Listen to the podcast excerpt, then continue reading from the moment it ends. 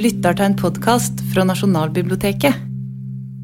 Noe av tanken med dette konseptet arkivert er ikke at vi, vi snakker ikke om Camilla Collett bare, eller bare tema. Vi prøver å ta utgangspunkt i én kilde, i ett objekt, i én ting fra samlinga, og se hva forteller den oss. Hva kan vi lære av den, hva kan vi lese ut av den, hvor kan vi gå derfra? Så hvis dere syns vi er smale, så er det meninga. Vi skal være smarte her. Og En av de første jeg hadde lyst til å invitere til dette, det var forskningsbibliotekar Marius Ulsberg, som, som, sitter her nå. Eh, han har som Mette Witting begravd seg i Collett over lang tid. Og jeg tror ikke tanken til, til Marius Ulsberg var i utgangspunktet at han skulle, skulle gifte seg med Camilla Collett og brevet til Camilla Collett når han begynte arbeidet, men, men, det har han gjort. Vi har ikke sett han på, på, for mange år, egentlig. Uh, han har lært seg å lese gotisk håndskrift, eh, som er vanskelig. Han har lært seg å lese Camilla Collins håndskrift, som visstnok er enda verre. Eh, og gjør òg arbeidet med transkripsjon. Så han er ekstremt tett på disse kildene. Og det var noe av det som fascinerte meg, eh, og hadde lyst til det. Så, og, og høre hva Marius finner. Så da, før vi snakker om dette ene brevet, Marius, jeg lurer på om du kan si noe om det arbeidet dere nå gjør med brevene. Hvordan går det for seg? Det er heldigvis eh, en liten gruppe med veldig kompetente transkriptører som har lang erfaring med tekstkritiske utgivelser, bl.a. fra Ibsen. Og er, eh, jeg er ikke den som har transkribert mest. Det er vel Mette Witting og Elisabeth Parmigiani og Nina Korby. Og så har vi en som heter Tone Modalsli, som henger over oss med falkeblikk og korrekturleser våre transkripsjoner. Og eh, det er et møysommelig og tidkrevende arbeid. Eh, hvis man tror man har lest sakte før, så har man tatt feil. Eh, å lese Camilla Colletts håndskrift krever at man leser linje for linje, strek for strek, og sitter og lurer på om det er en V eller en R. Og så setter man disse tegnene sammen, og så blir det ord.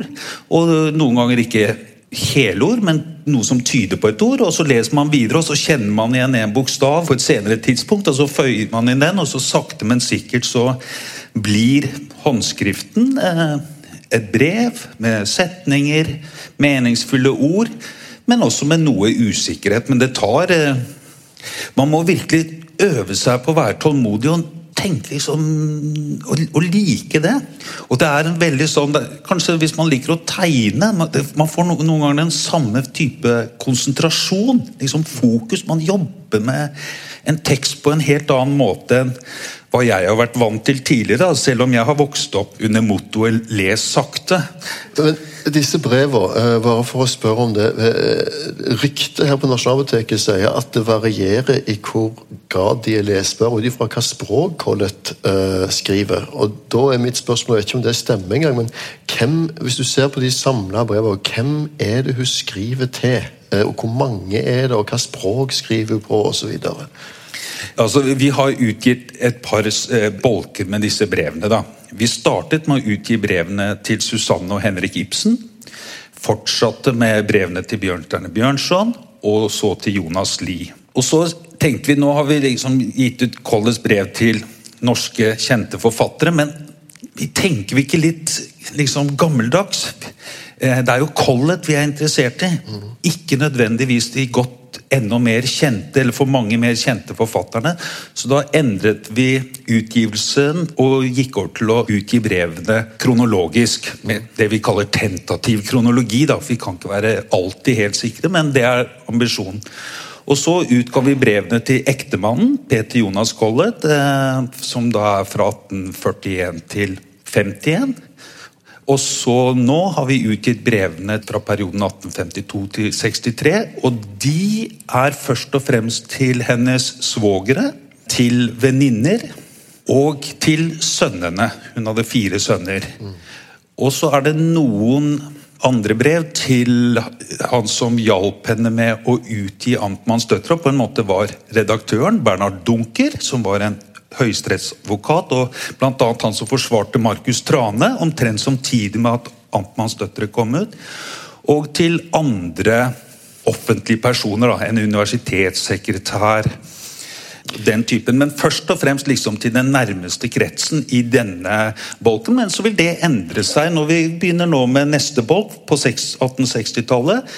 Hvor det blir nye kontakter, nye bekjentskaper, nye venninner. For da endrer livet til Collett seg. Hun lever egentlig resten av livet, altså fra 1863 og til hun dør, som nomade på det europeiske kontinent med jevnlig eller årlig besøk i Kristiania. Men når jeg da spurte deg eh, om du kunne finne ett brev som vi kunne bruke som utgangspunkt for å snakke, og, så sa jo oppdraget at vi skal snakke liksom om Collett i samfunnet Kristiania, hvordan denne byen var, da valgte du det brevet som dukker opp på skjermen der. Uh, ja, jeg tror det med sakte lesing sklei inn i publikum akkurat nå. Uh, hvorfor valgte du akkurat dette brevet? Altså, Hovedgrunnen det er at i dette brevet så skildrer Collett situasjonen og atmosfæren og stemningen i Kristiania under koleraepidemien i 1853. Og akkurat den passasjen, som vi kommer tilbake til, den er en av de Jeg har, brukt, jeg har jobbet da med kommentarene. Dvs. Si å identifisere personene som omtales. Finne ut når de ble født, når de døde, og hvem de var. Og det avsnittet om koleraen, og hvordan den hadde rammet nabolaget og bekjentskapskretsen, brukte jeg utrolig lang tid på. Det var en av de siste passasjene jeg greide å identifisere navnene personene etter flere forsøk. Fordi jeg hadde blitt litt flinkere å søke og lete og fått mer kunnskap. Og det ga en sånn veldig sterk følelse av å liksom komme så tett på Kristiania i 1853 som jeg følte det var mulig. Mm. Men i tillegg er det jo et brev til broren, Oskar Wergeland, som det er mange andre brev til, og som hun hadde tettest kontakt med gjennom hele livet. Fra ungdommene og i alle fall helt til 1860-årene. Og eh, det er skrevet til han som er i Wien. Han var kaptein eh, i militæret, og den militære karriere var en flott karttegner bl.a. Han befinner seg i Wien og har reist dit etter at Collett og Oscar har bodd sammen en periode i København våren 1852. Nei, 53, mener jeg. Mm. Og, eh, så han er liksom en skikkelse. Men det var først, det er ikke egentlig at det er et brev til Oscar Wergeland som er grunnen. Det er denne skildringen av eh, koleraen. Og så tenkte jeg at det da på en måte tok oss ut av den litterære Collett og mm. inn i den historiske situasjonen Collett befant seg i. Da, da er det liksom to ting som dukker opp her som vi må ta. og Jeg er litt usikker på rekkefølgen. Du kan få bestemme. For det er to nøkkelord som dukker opp her. altså det er eh, Du beskriver altså Collett kommer til Kristiania under en koleraepidemi. Og hun drar fra København, som nettopp har hatt sin koleraepidemi, som har vært enorm som hun dels har flykta fra, blitt bodd ute på Klampenborg ut forbi og det hele tatt, og så kommer vi inn til en by i kolera. Det er to ting, det er Kristiania og koleraen. Hvor skal vi starte? Det er kanskje best med Kristiania? eller? Skal vi begynne med Kristiania? Ja, Dette er Kristiania. Dette er Kristiania, et kart over Kristiania. En kroki, tror jeg det kalles, men det er jo et kart eh, over Kristiania 1856. Og det tilsvarer på, langt på vei 1853. Det hadde ikke skjedd så store endringer. Og eh, altså Hun ankommer, eh, så vidt jeg har forstått, så legger eh, dampskipene til her. Hun tar seg gjennom Kristiania, jeg vet ikke helt hvordan, men hun har to sønner. Og av den lille morgenbladnotisen eh, så ser vi at hun tar inn i Nye Slottsgate. Og for meg var det Ah, nye Slottsgate! Nå vet jeg altså hvem som bodde der. For det jeg også lett og lett etter. Hvor i alle dager bodde Oskar Wergeland? Fordi vi vet av andre brev at hun flyttet inn i Oskar Wergelands gård. Han ga henne litt motvillig lov til å flytte inn i, i, i gården. Fordi han var redd for at sønnene skulle ødelegge tapeten og dørhåndtakene. Og det ble en ganske eh, hva skal vi si, en diskusjon mellom Collett og broren om dette, som man kan lese om i brevene. Bl.a. i det brevet som vi har tatt utgangspunkt i. Og Der var det jo også mange andre som bodde. En Kjærulf, eh, som var eh, en kollega vil jeg tro, av Oskar Wergeland. Han var også i det militære. Det var jo tjenestepiker. Det var eh, hva skal vi si fru, altså den, eh, den, tjene, den som liksom bestyrte huset, som var veldig krass. Og Collett følte seg veldig dårlig behandlet av henne. De kom vel på kant med hverandre. Så hun er da en av mange sånne tjenestekvinner som Collett kommer på kant med gjennom livet. Og hun får lov til å bo der en eh, kort stund, og finner seg da etter hvert en leilighet i Schinders gård, tror jeg det er, som ligger i Østre gate. Dagens Karl Johan. Østre gate begynte der Akersgaten krysset vår Karl Johan. da. Liksom Derfra ned til sentralbanestasjonen, det var Østre gate. Når Collett og Peter Jonas, ektemannen, flyttet til Kristiania i 42, så flyttet de inn i en leilighet Nicolai Wergeland hadde leid til dem, i Dronningens gate vis-à-vis Vår Frelsers kirke. Og det var her i Kvadraturen Folk bodde i København, ikke bare borgerskapet, handelsfolk eh, eh, Alle bodde her i Kvadraturen. Men dette begynte å endre seg kraftig omkring 1850, hvor det var stor befolkningsvekst. Denne Bernhard Dunker, for eksempel, som jeg nevnte, han bodde her. Anton Martin Sveigård, som også var en venn og bekjent av Collett, bodde i Kvadraturen. Hennes svoger Holger bodde her. Det var også her, da, for å nå ta den berømte episoden om hvordan hun hørte vel av en stemme, eh, så skjedde det også i Kvadraturen. Ved Herres gård i 1830. Så her var det alle bodde og promenerte. og så Jeg ble helt overrasket når jeg begynte å se på hva var det der. Det var 10-12 forlag. Eh, masse avisredaksjoner, bokhandlere, musikkforhandlere. Det bodde 6000-7000 mennesker der.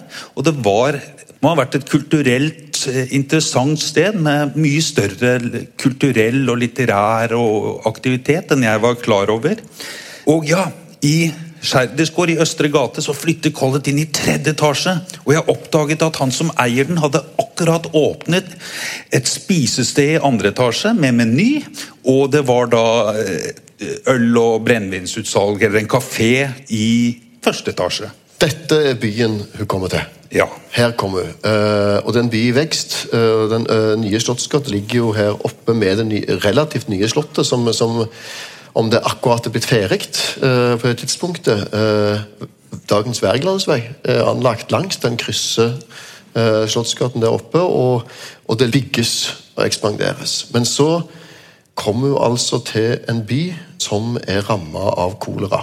Og da vil jeg gjerne kanskje at vi skal lese Jeg leser det avsnittet hvor, eh, som jeg jobbet mye med, eller tok lang tid å identifisere personene. Den første Nikolai er en pleiebror. Nikolai Storm Wergeland. Nikolai har jeg sett én gang, men han reiste straks til Stockholm igjen, hvorfor han ventes igjen neste uke.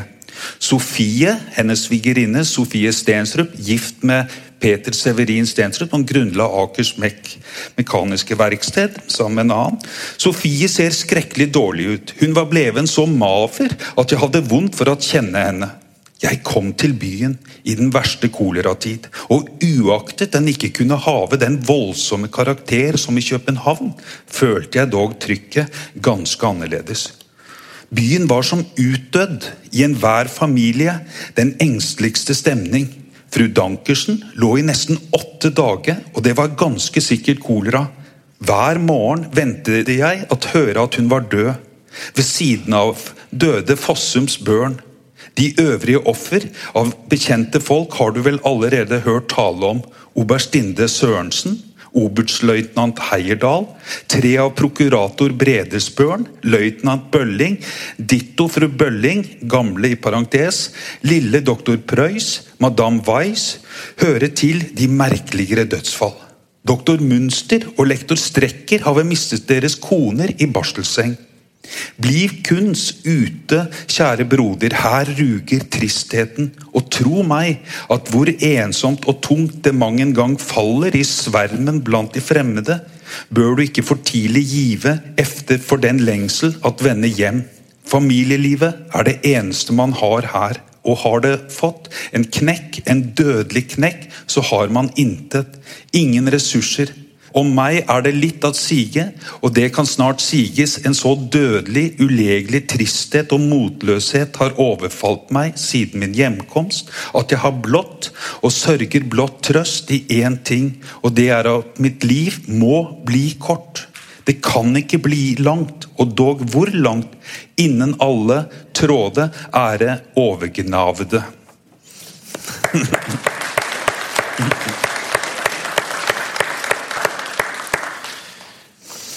Hun beskriver sine bekjente som dør i kolera. Og det høres på en måte tilforlatelig ut, ved at det er da 5% av byens befolkning de strides om det er 4 eller 5% som dør av koleraen, og så er det dobbelt så mange som er, er ramma. Så det er jo da, bare å se i salen her, så er det ja, det er fem til ti av dere som forsvinner, og det er 20 som ligger syke. Eh, bare her. Eh, det er svære, svære tall, og så må vi huske at det skjer på tre-fire måneder. Vi snakker ikke lange perioder, lange dødsleier. Et dødsleie i kolera kan vare i 24 timer. Fra du er smitta til du er død. Og Dør du ikke etter ei uke, så lever du antageligvis. Eh, det går veldig fort, og det smitter enormt raskt. Men det er noe interessant med den koleraepidemien her, og det er at Camilla Colletts bekjente dør i kolera. Og Det er vel ikke helt vanlig, for dette er jo ikke fattigfolk. Dette er jo bemidlede borgere som òg rammes av denne koleraepidemien. Vet du hvor vanlig det var? Altså, Hvem er det som rammes i Kristiania? Når man leser eh, både den offentlige beretningen som kom om eh, koleraepidemien i 1854, altså boken kom i 1854, og når man leser Det er skrevet en stor doktoravhandling om eh, den epidemien nå, så gjøres det et poeng av at koleraepidemien rammet begge kjønn omtrent likt, og den rammet alle klasser omtrent likt. Denne offentlige beretningen den begynner med å nevne to tilfeller av kolera som skjedde litt før den store epidemien. og Det ene var en embetsmann som bodde vest for byen, og den andre var en arbeider som bodde øst i byen.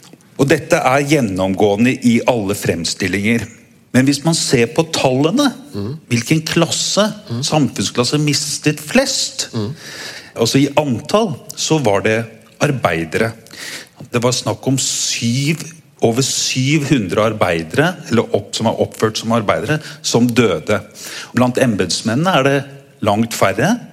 Så, sånn sett så var det arbeiderklassen som ble hardest rammet. Mm. Eh, ja, og de, de, hadde jo Jeg har drevet og prøvd å, å, forberede meg så jeg kunne matche Marius, så jeg har, har lest.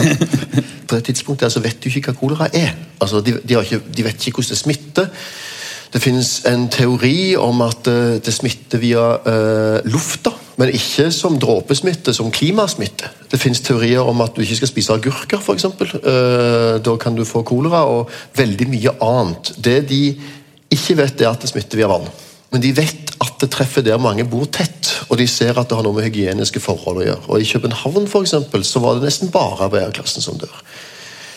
Det man har funnet etterpå, det er at denne koleraepidemien den oppstår idet en sjømann hvis jeg ikke husker feil, du må korrigere hvis jeg tar feil, blir lagt inn på Rikshospitalet med kolera. Det er jo ofte sjøfolk. Det var det òg i Drammen i 1833. Det kom sjøen inn til Drammen den gangen òg.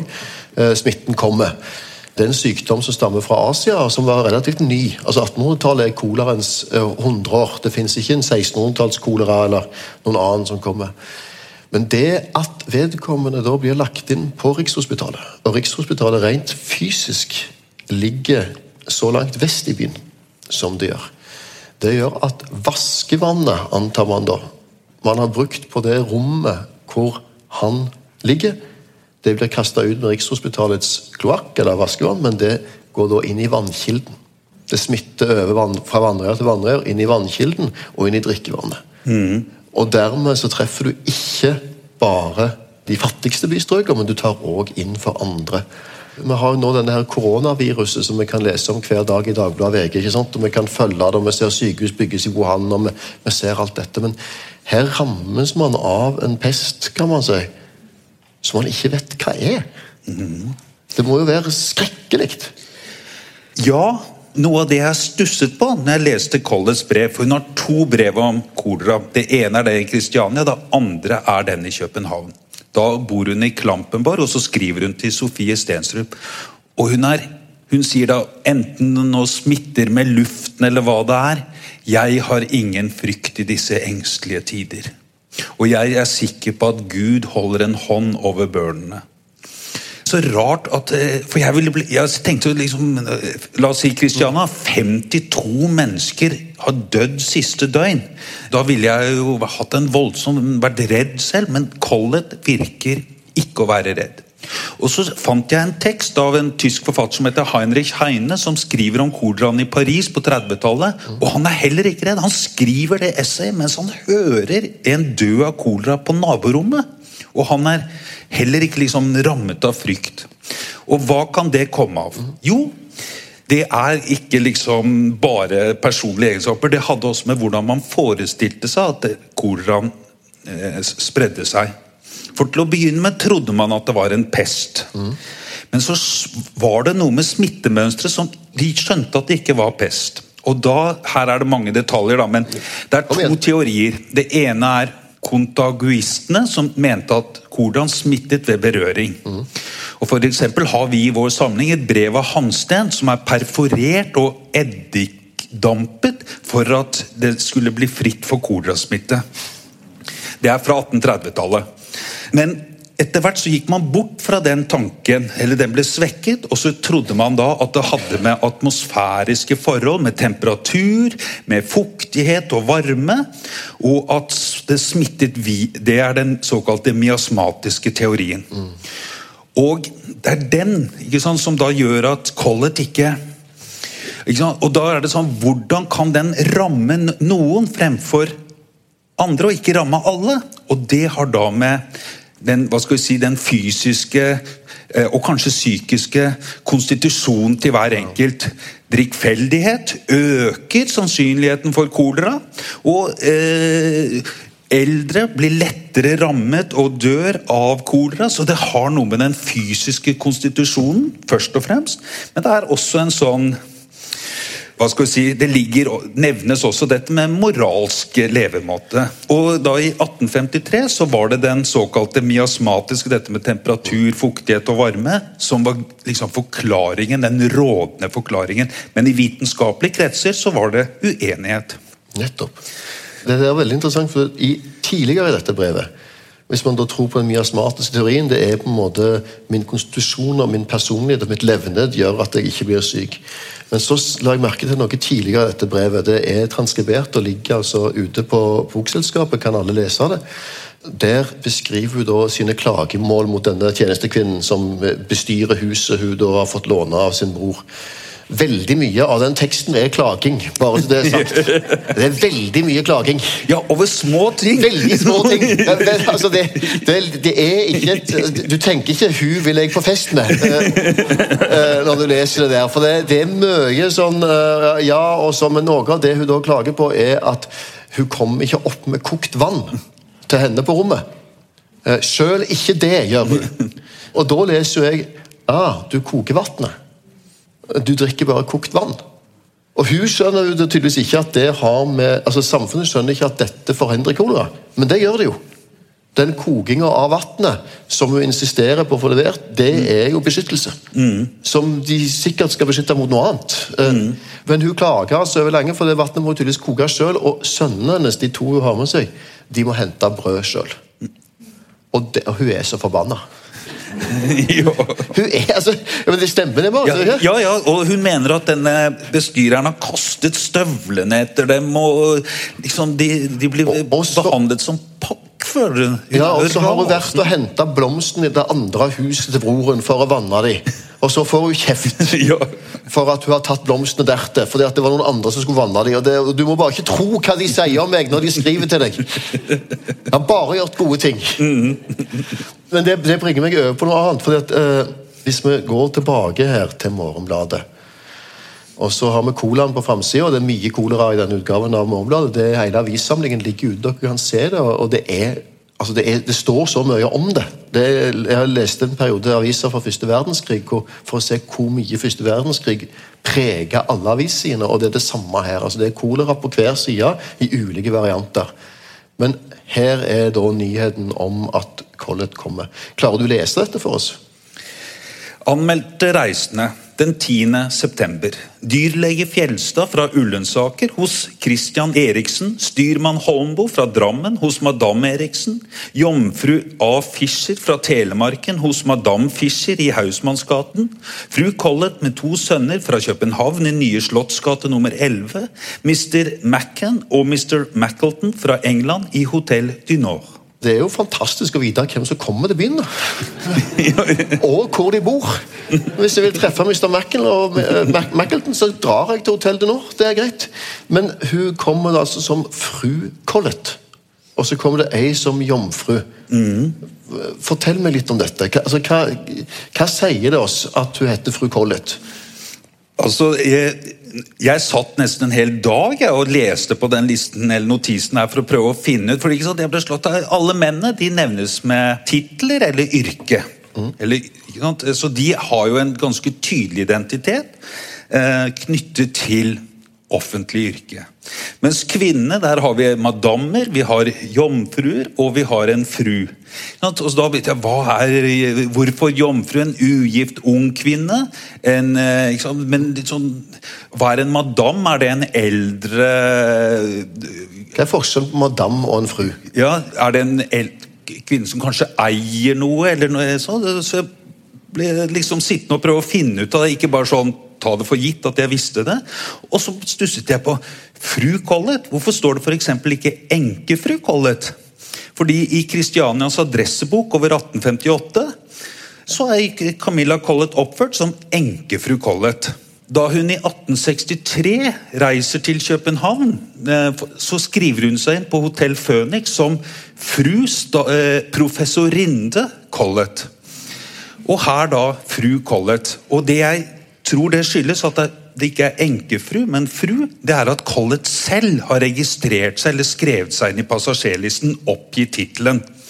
Og at hun ikke, sånn som i denne adresseboken, ble innført i de offentlige registrene. For der, når man ser på de offentlige registrene, så er det enkefru Collett. I dødsboken står det at enkefru Collett er død. Og i andre offentlige registre, men her fru Collett. Så det viser jo at eh, kanskje en viss distanse fra det som måtte var blitt hennes sosiale stilling, og offentlig stilling, at hun var enkefru. Hun vil være fru. Og også fru professorinde. Hun vil i alle fall ikke være enkefru Collett. Nei, det- Men det, det henger jo sammen med noe uh, som, som vi òg finner i disse brevene, og, og som er Camilla Colletts valg når mannen hennes dør. Han dør ung, altså ekte ung. De har vært gift i knappe ti år. Har fire unger. Og et stort hus. Et stort hus som for øvrig er bygd på Camilla Collett sine penger. Altså farsarven hennes eh, som har bygd det. Og hun gjør jo da et valg som preger resten av livet hennes, som jeg, jeg tenker kan være noe av det samme som det du peker på der. Og hun velger å ikke bli boende i huset og holde det, og holde stuer og være mor til eh, avdøde Colletts barn. Hva er det hun sier sjøl om det? Du, jeg har, det ikke i hodet. Får jeg lov til å lese? Ja, For jeg syns virkelig Ja. det er kanskje det sterkeste brevet i denne utgivelsen. og tror jeg et av de sterkeste brevene i eh, norsk eh, brevlitteratur. Det er til da Johan Christian Collett, som var svogeren til Camilla. Som også representerte de øvrige svogerne og svigerinnen. Og når Petter Jonas Collett døde, så hadde han skrevet en testamentarisk opptegnelse hvor han redegjør for sin økonomiske situasjon, og han oppfordrer eller ber sine søsken om å bidra økonomisk, slik at barna kan bli boende hos Collett, og kanskje i en mindre leilighet et annet sted i byen. Og så har tydeligvis svogerne og svigerinnen lagt en plan om at de skal hjelpe Collett til å beholde huset, og at barna kan vokse opp der. Det tilbudet vil ikke Collett ha. Ta imot. Hun kommer dem til og med i forkjøpet og avviser det, fordi hun har et annet ønske. Og jeg, Istedenfor at jeg sier hvordan hun formulerer seg, så leser jeg. Til Gud vet at jeg har fattet min stilling i øyet. Jeg vet hvilke forsakelser der venter meg, og de kjenner meg nok til at vite at mange av dem vil koste meg stor smerte. Men jeg vet til like at det er noe jeg ikke kan oppgive. Jeg må, midt i min fattigdom, føle meg ganske fri. Jeg vil være fri i alle mine handlinger, i min måte å leve på, kun da, når jeg vet at ingen berøver seg noe for å gjøre mitt liv mildere, vil jeg få mot til å bære dette liv. For dette gode er jeg villig til et hvilket som helst offer. At selge gården straks som det er nødvendig. At skille meg med alt mitt bohave, selv mitt kjæreste. Der vil jeg erindre meg om lykkeligere dager, og blott beholde det aller nødtøftigste. Jeg er også rede til å give slipp på en av børnene hvis Kvestors gjentager deres tilbud. Da disse folk i min lykkelige stilling har gjort dette, vil det såre meg mindre. Alt er jeg rede til å gjøre for å gjøre det mulig å bringe de andre børn frem. Så her, hva gjør hun? Hun har kommet fram til at det er noe som er viktigere for henne å være fri i alle sine handlinger enn å leve på Kanskje den oppfattes som svogernes nåde og svigerfamiliens nåde i en murvilla i Uranienborgveien sammen med sine fire sønner. Jeg tror du har helt rett i, og det er noe med det ropet i det brevet som du sier, som er det at jeg vil være fri. Eh, den, den friheten, når jeg tenker for å vende tilbake til der vi er nå, så tenker jeg at det, den fru Collett som ankommer meldt i Morgenbladet til Kristiania bare to år etter ektemannens død, er denne Camilla Collett. Det er eh, et menneske som, og en dame som, og en kvinne og en intellektuell som gjør seg fri, og som kommer tilbake som, som Camilla Collett. Hun kan faktisk ikke skrive Camilla Collett, men hun er i hvert fall ikke enkefru. Hun er i alle fall ikke plassert på ei hylle hvor hun skal være resten av livet, eh, og utelukkende være det. Det er jo lett å si sånn hun gjør dette fordi hun vil bli forfatter. Hun tar det valget. Det tror jeg er for enkelt. Mm. Fordi det er ikke sånn at det å være forfatter tror jeg for Collett utelukker det å oppdra alle fire barna, Nei. eller sønnene. Det har med økonomi å gjøre, og at Johan Christian Collett og hans kone, som tok til seg eldstemann Robert, satt i bedre kår.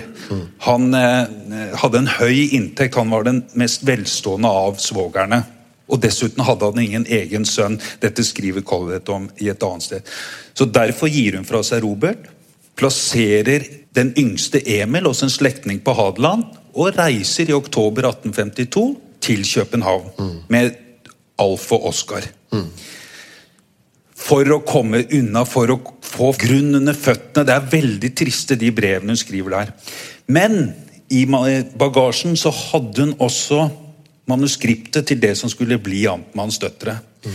Vi vet at hun ikke, Det er ingenting som tyder på at hun skrev på det mens hun bodde i København. Men da København ble rammet av kolera og hun flyttet til Klampenborg, utenfor København, så tok hun frem manuskriptet, skriver hun i en senere tekst, og begynte litt lettere til sinns å fortsette å skrive på det. Så når hun kommer til Kristiania 10.9.1853, så har hun skrevet videre på det manuskriptet som senere da så, så det finnes liksom en forfatterinne bak denne fru Collett.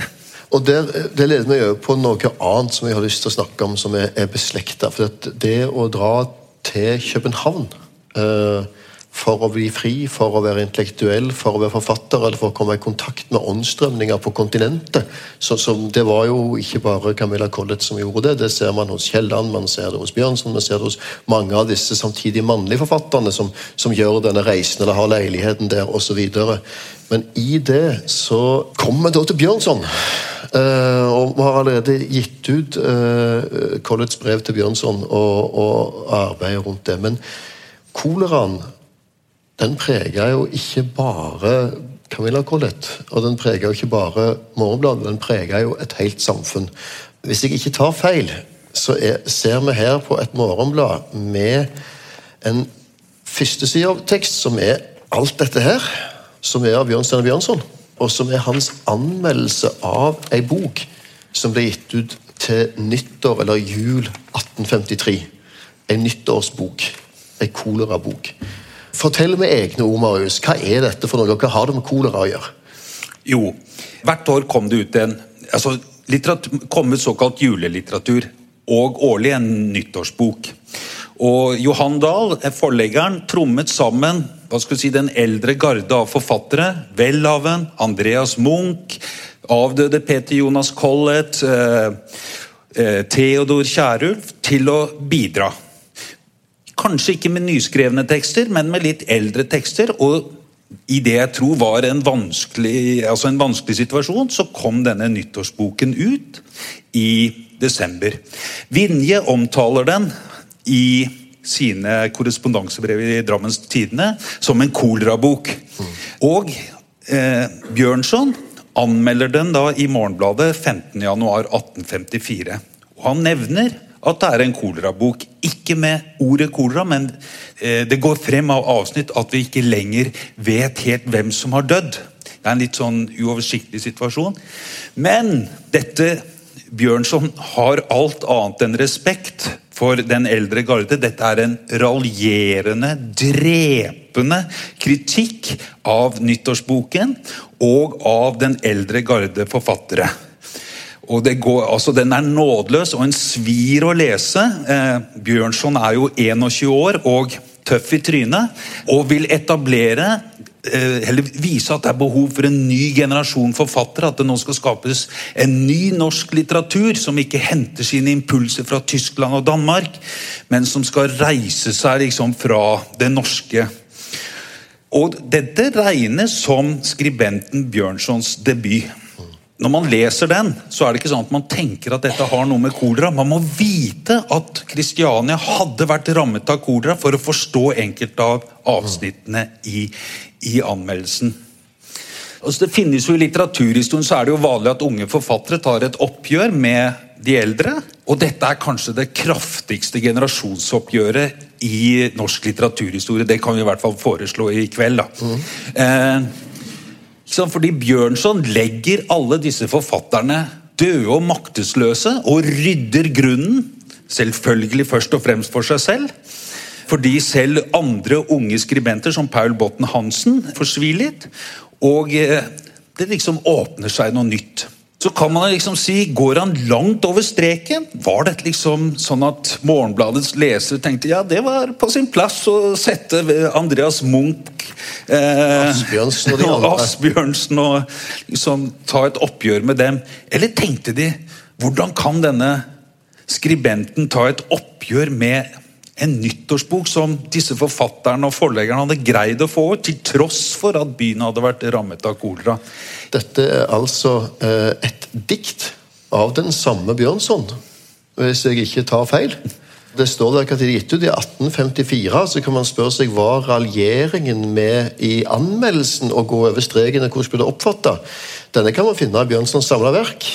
Småpappens nyttårsbok, Småpappens nyttårsbok, Mikmak, Mak, Småpappens nyttårsbok, Den gjorde åtte diktere, Kolera, kolera, fallerallerallera. Eh, poeter lett at få, akk, akk, akk, i julen diaré.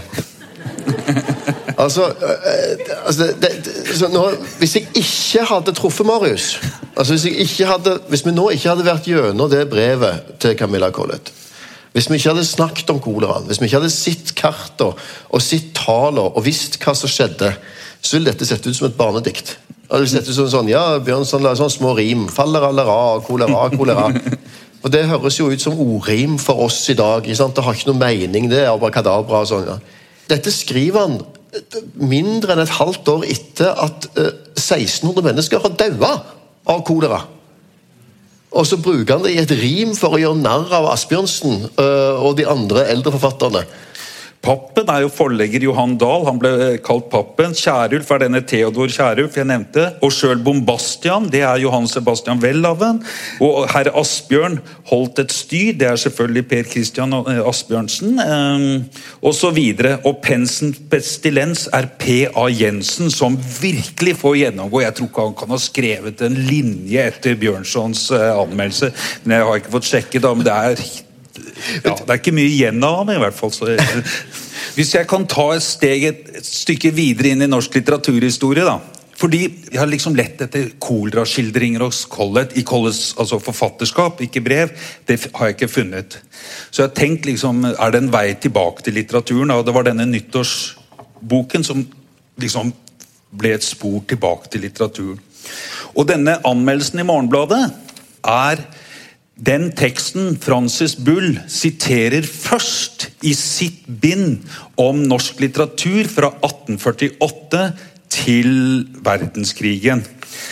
Så, for Bull blir anmeldelsen liksom inngangen til den nye, store generasjonen i norsk litteraturhistorie, med Ibsen, Bjørnson, Kielland, eh, Lie osv. Men hos Bull så er alle blitt friske, og kolera nevnes ikke med et ord. Det, det, går ikke frem av litteraturhistorien at det var en kontekst og en situasjon omkring Bjørnsons anmeldelse og nyttårsboken. Hva ville skjedd hvis Bull hadde startet med den sangen der? Mm. Jeg vil ikke si Det er jo kraft i dette her òg. Det er jo sånn, hva skal vi si, det er jo satire Humor, galgenhumor kanskje. Kolera er bare blitt et eh, abrakadabra. Hva skal vi si det eh, Visen, da. Den ga liksom en klang. Liksom, eh, i, den pekte mot denne anmeldelsen og viste liksom en helt annen side av Bjørnson. Og dette er jo også like et raljerende oppgjør med denne generasjonen forfattere som man kritiserer her. Jeg, jeg, tenker eh, to ting når, når, du sier dette. Det ene er jo at jeg må innrømme at jeg ikke visste at det var en koleraepidemi i Oslo i 1853. Eh, det er jo min svakhet å ikke vite det. Og jeg har aldri lest litteraturen ut ifra det, eller tenkt på hvordan det påvirker altså hvordan påvirker disse omgivelsene og hendelsene litteraturen, forfatterne, det intellektuelle. Eh, og det i seg sjøl er interessant når du trekker det fram, at når vi skaper en kanon så tar vi jo teksten ofte ut av konteksten. Og så er at denne teksten er autonom, den står i seg sjøl. Se den vakre teksten, se den flotte teksten, se alt den har. Og det har vi jo ofte rett i òg. Det er jo derfor de ofte blir en del av kanon. Men, men, vi mister samtidig kanskje forfatteren som skriver det, og konteksten det står i, og hva det er.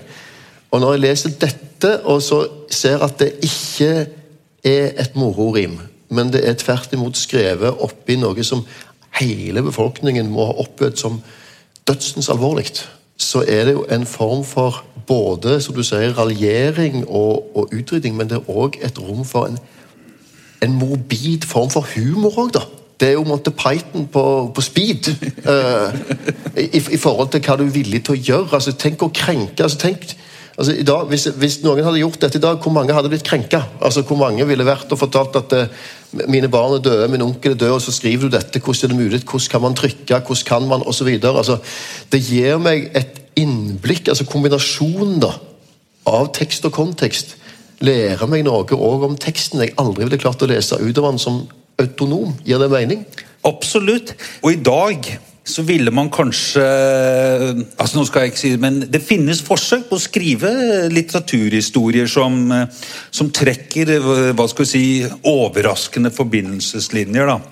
Og Man kunne jo her tenke seg at uh, norsk litteraturhistorie, siden det nå man gjør et poeng at den var hva skal vi si, transnasjonal og global fra begynnelsen av, og ikke nasjonal, at norsk litteraturhistorie begynte med at man oppdaget eh, koleraepidemien. Altså, den, den, moderne norske litteraturhistorien begynte med at koleraen spredde seg fra, fra Ganges-deltaet i 1817 og rammet Europa for første gang. Og det, det hadde ikke vært så rart. Altså, Kristiania ble rammet av kolera første gang tror jeg, i 1832. I 1833 eller 1834 utga Henrik Wergeland 'Den asiatiske kolera', et drama. Ett år etterpå. Det er den tidligste teksten jeg har, litterære teksten jeg har funnet om kolera. Welhaven eh, nevner kolera i Norges demring.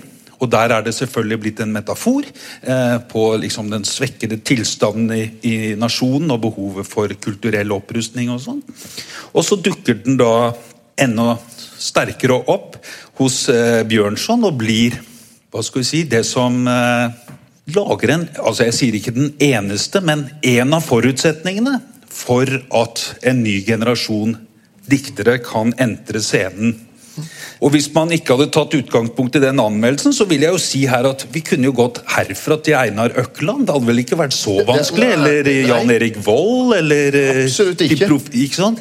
Altså Det er ikke denne tunge, alvorlige, melankolske eller stemningen. Det er Morbid humor. Morbid humor, og så kunne vi droppet innom Obsfelder på veien bort. Så ville vi, vi hatt en liten litteraturhistorie for, for, den lyrikken. Men du, Marius, vi nærmer oss uh, slutten, og det er noen ting som jeg skulle ønske vi fikk snakket om, som vi ikke får snakket om, og det er den som vi gjerne vil gjøre neste gang. Uh, og Det er, er kretsen rundt Collett og disse menneskene i borgerskapet i Kristiania på den tida som hun brevveksler med alt det andre. Men jeg syns det er noe som er, er, viktigere enn kretsen rundt når vi nærmer oss slutt. For nå har vi vært i 1853 og tatt et dykk inn, et lite sånn punktmerke inn i et liv og et forfatterskap og en historie. Men min følelse med det som, som du og vi jobber med, eh, og Mette jobber med, andre jobber med, med Collett-prosjektet vårt her på Nasjonalbiblioteket, så er min følelse at hvert fall oppfatning at du har en slags underliggende tese her. En hypotese eller påstand fra, fra de sider som er at den Camilla Collett som finnes i vår kollektive bevissthet, eh, den Camilla Collett vi møter i litteraturhistorien, men kanskje enda mer i historiehistorien, Welhaven, Wergeland, har vi Bernhard Herre osv., er reduksjonistiske i forhold til hvem Camilla Collett var. Eh, og den skikkelsen hun har vært og var på 1800-tallet. Og at hun er en mye større intellektuell, europeisk intellektuell enn det denne kjærlighetshistorien om, om Welhaven egentlig gir noe som helst rom for å fortelle. Og Det er jo et liv som begynner etter disse brevene, altså fra 1863 og utover. Men stemmer det? Eller, har, jeg, har jeg lest deg riktig? Ja, altså det er det som man blir mer og mer overbevist om når man jobber med disse brevene, at uh, Collett liv handlet ikke om en ungdomsforelskelse i Welhaven, selv om en, flere generasjoner med litteraturhistorikere har hevdet det. Men det skyldes at man til nå bare har hatt ungdomsbrevene. Så det er bare det vi har visst om henne. At hun var forelsket i Welhaven fra hun var 16 til uh, noen og 20.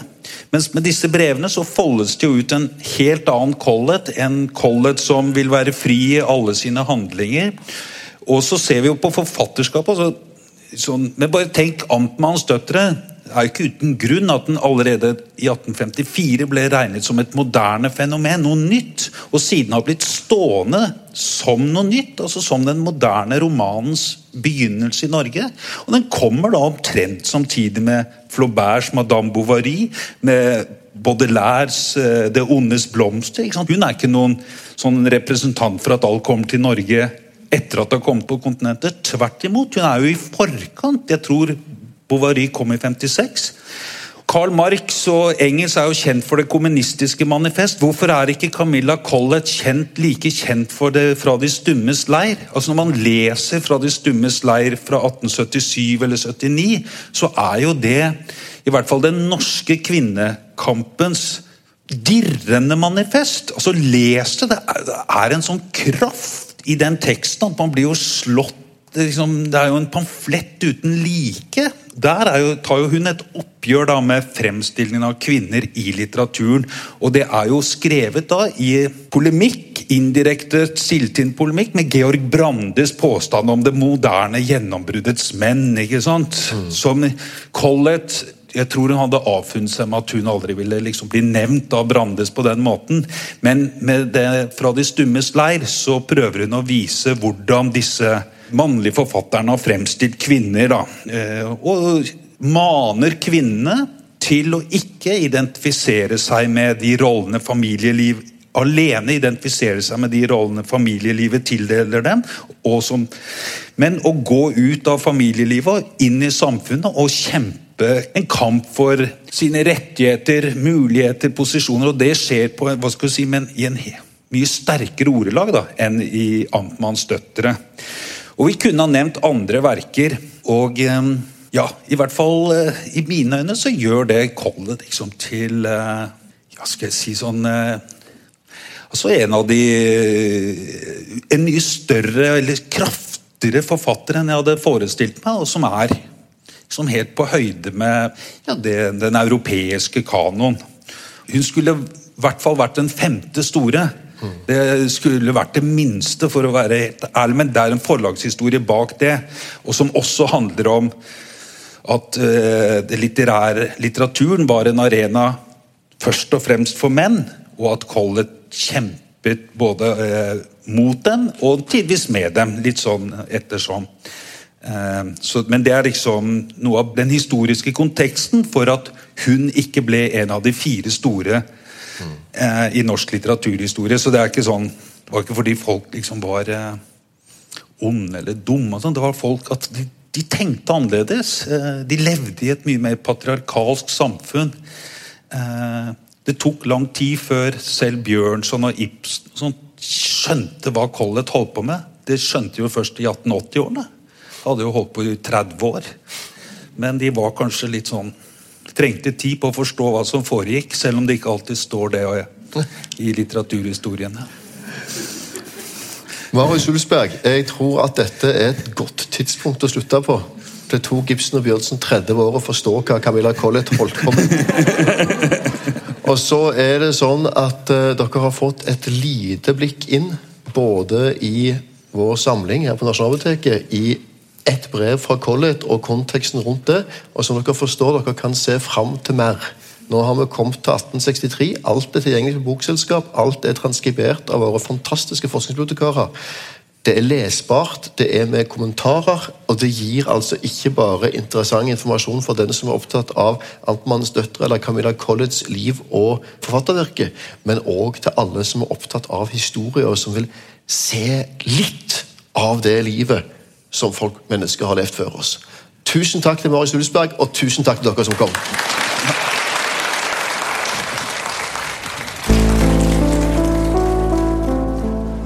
Det, altså, man kan jo ikke oppdage en sånn historie uten å bli litt grann sånn i Se og Hør-modus, selvfølgelig. Dette er pikant.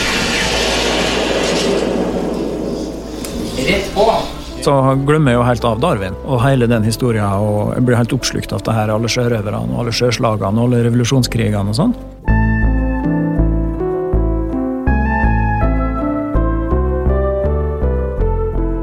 I samlingene til Nasjonalbiblioteket så finnes det spor etter et helt hav av dunkle drama og glemte liv fra Norges historie. I podkasten Gamle greier så skal jeg, Askild Matre Aasarød, fra det lille studioet midt i kjelleren under Nasjonalbiblioteket i Oslo, nøste opp de her mysteriene. Han har nok ligget bakom i gran her en eller annen plass. Og skauta to av tyskerne. Og den tredje la på sprang inn i Jeg skal snakke med historikere og eksperter. Det er en voldsom kjærlighetshistorie, rett og slett. Men også når det finnes folkene som faktisk var til stede under de her spektakulære, men ofte glemte hendelsene. Nei, det, det, det, her, det, er ikke Jeg prøver ikke å selge noe. Jeg, jeg, har kommet over et hørespill, skjønner du. Følg med i podkaststrømmen din, så kommer det mer.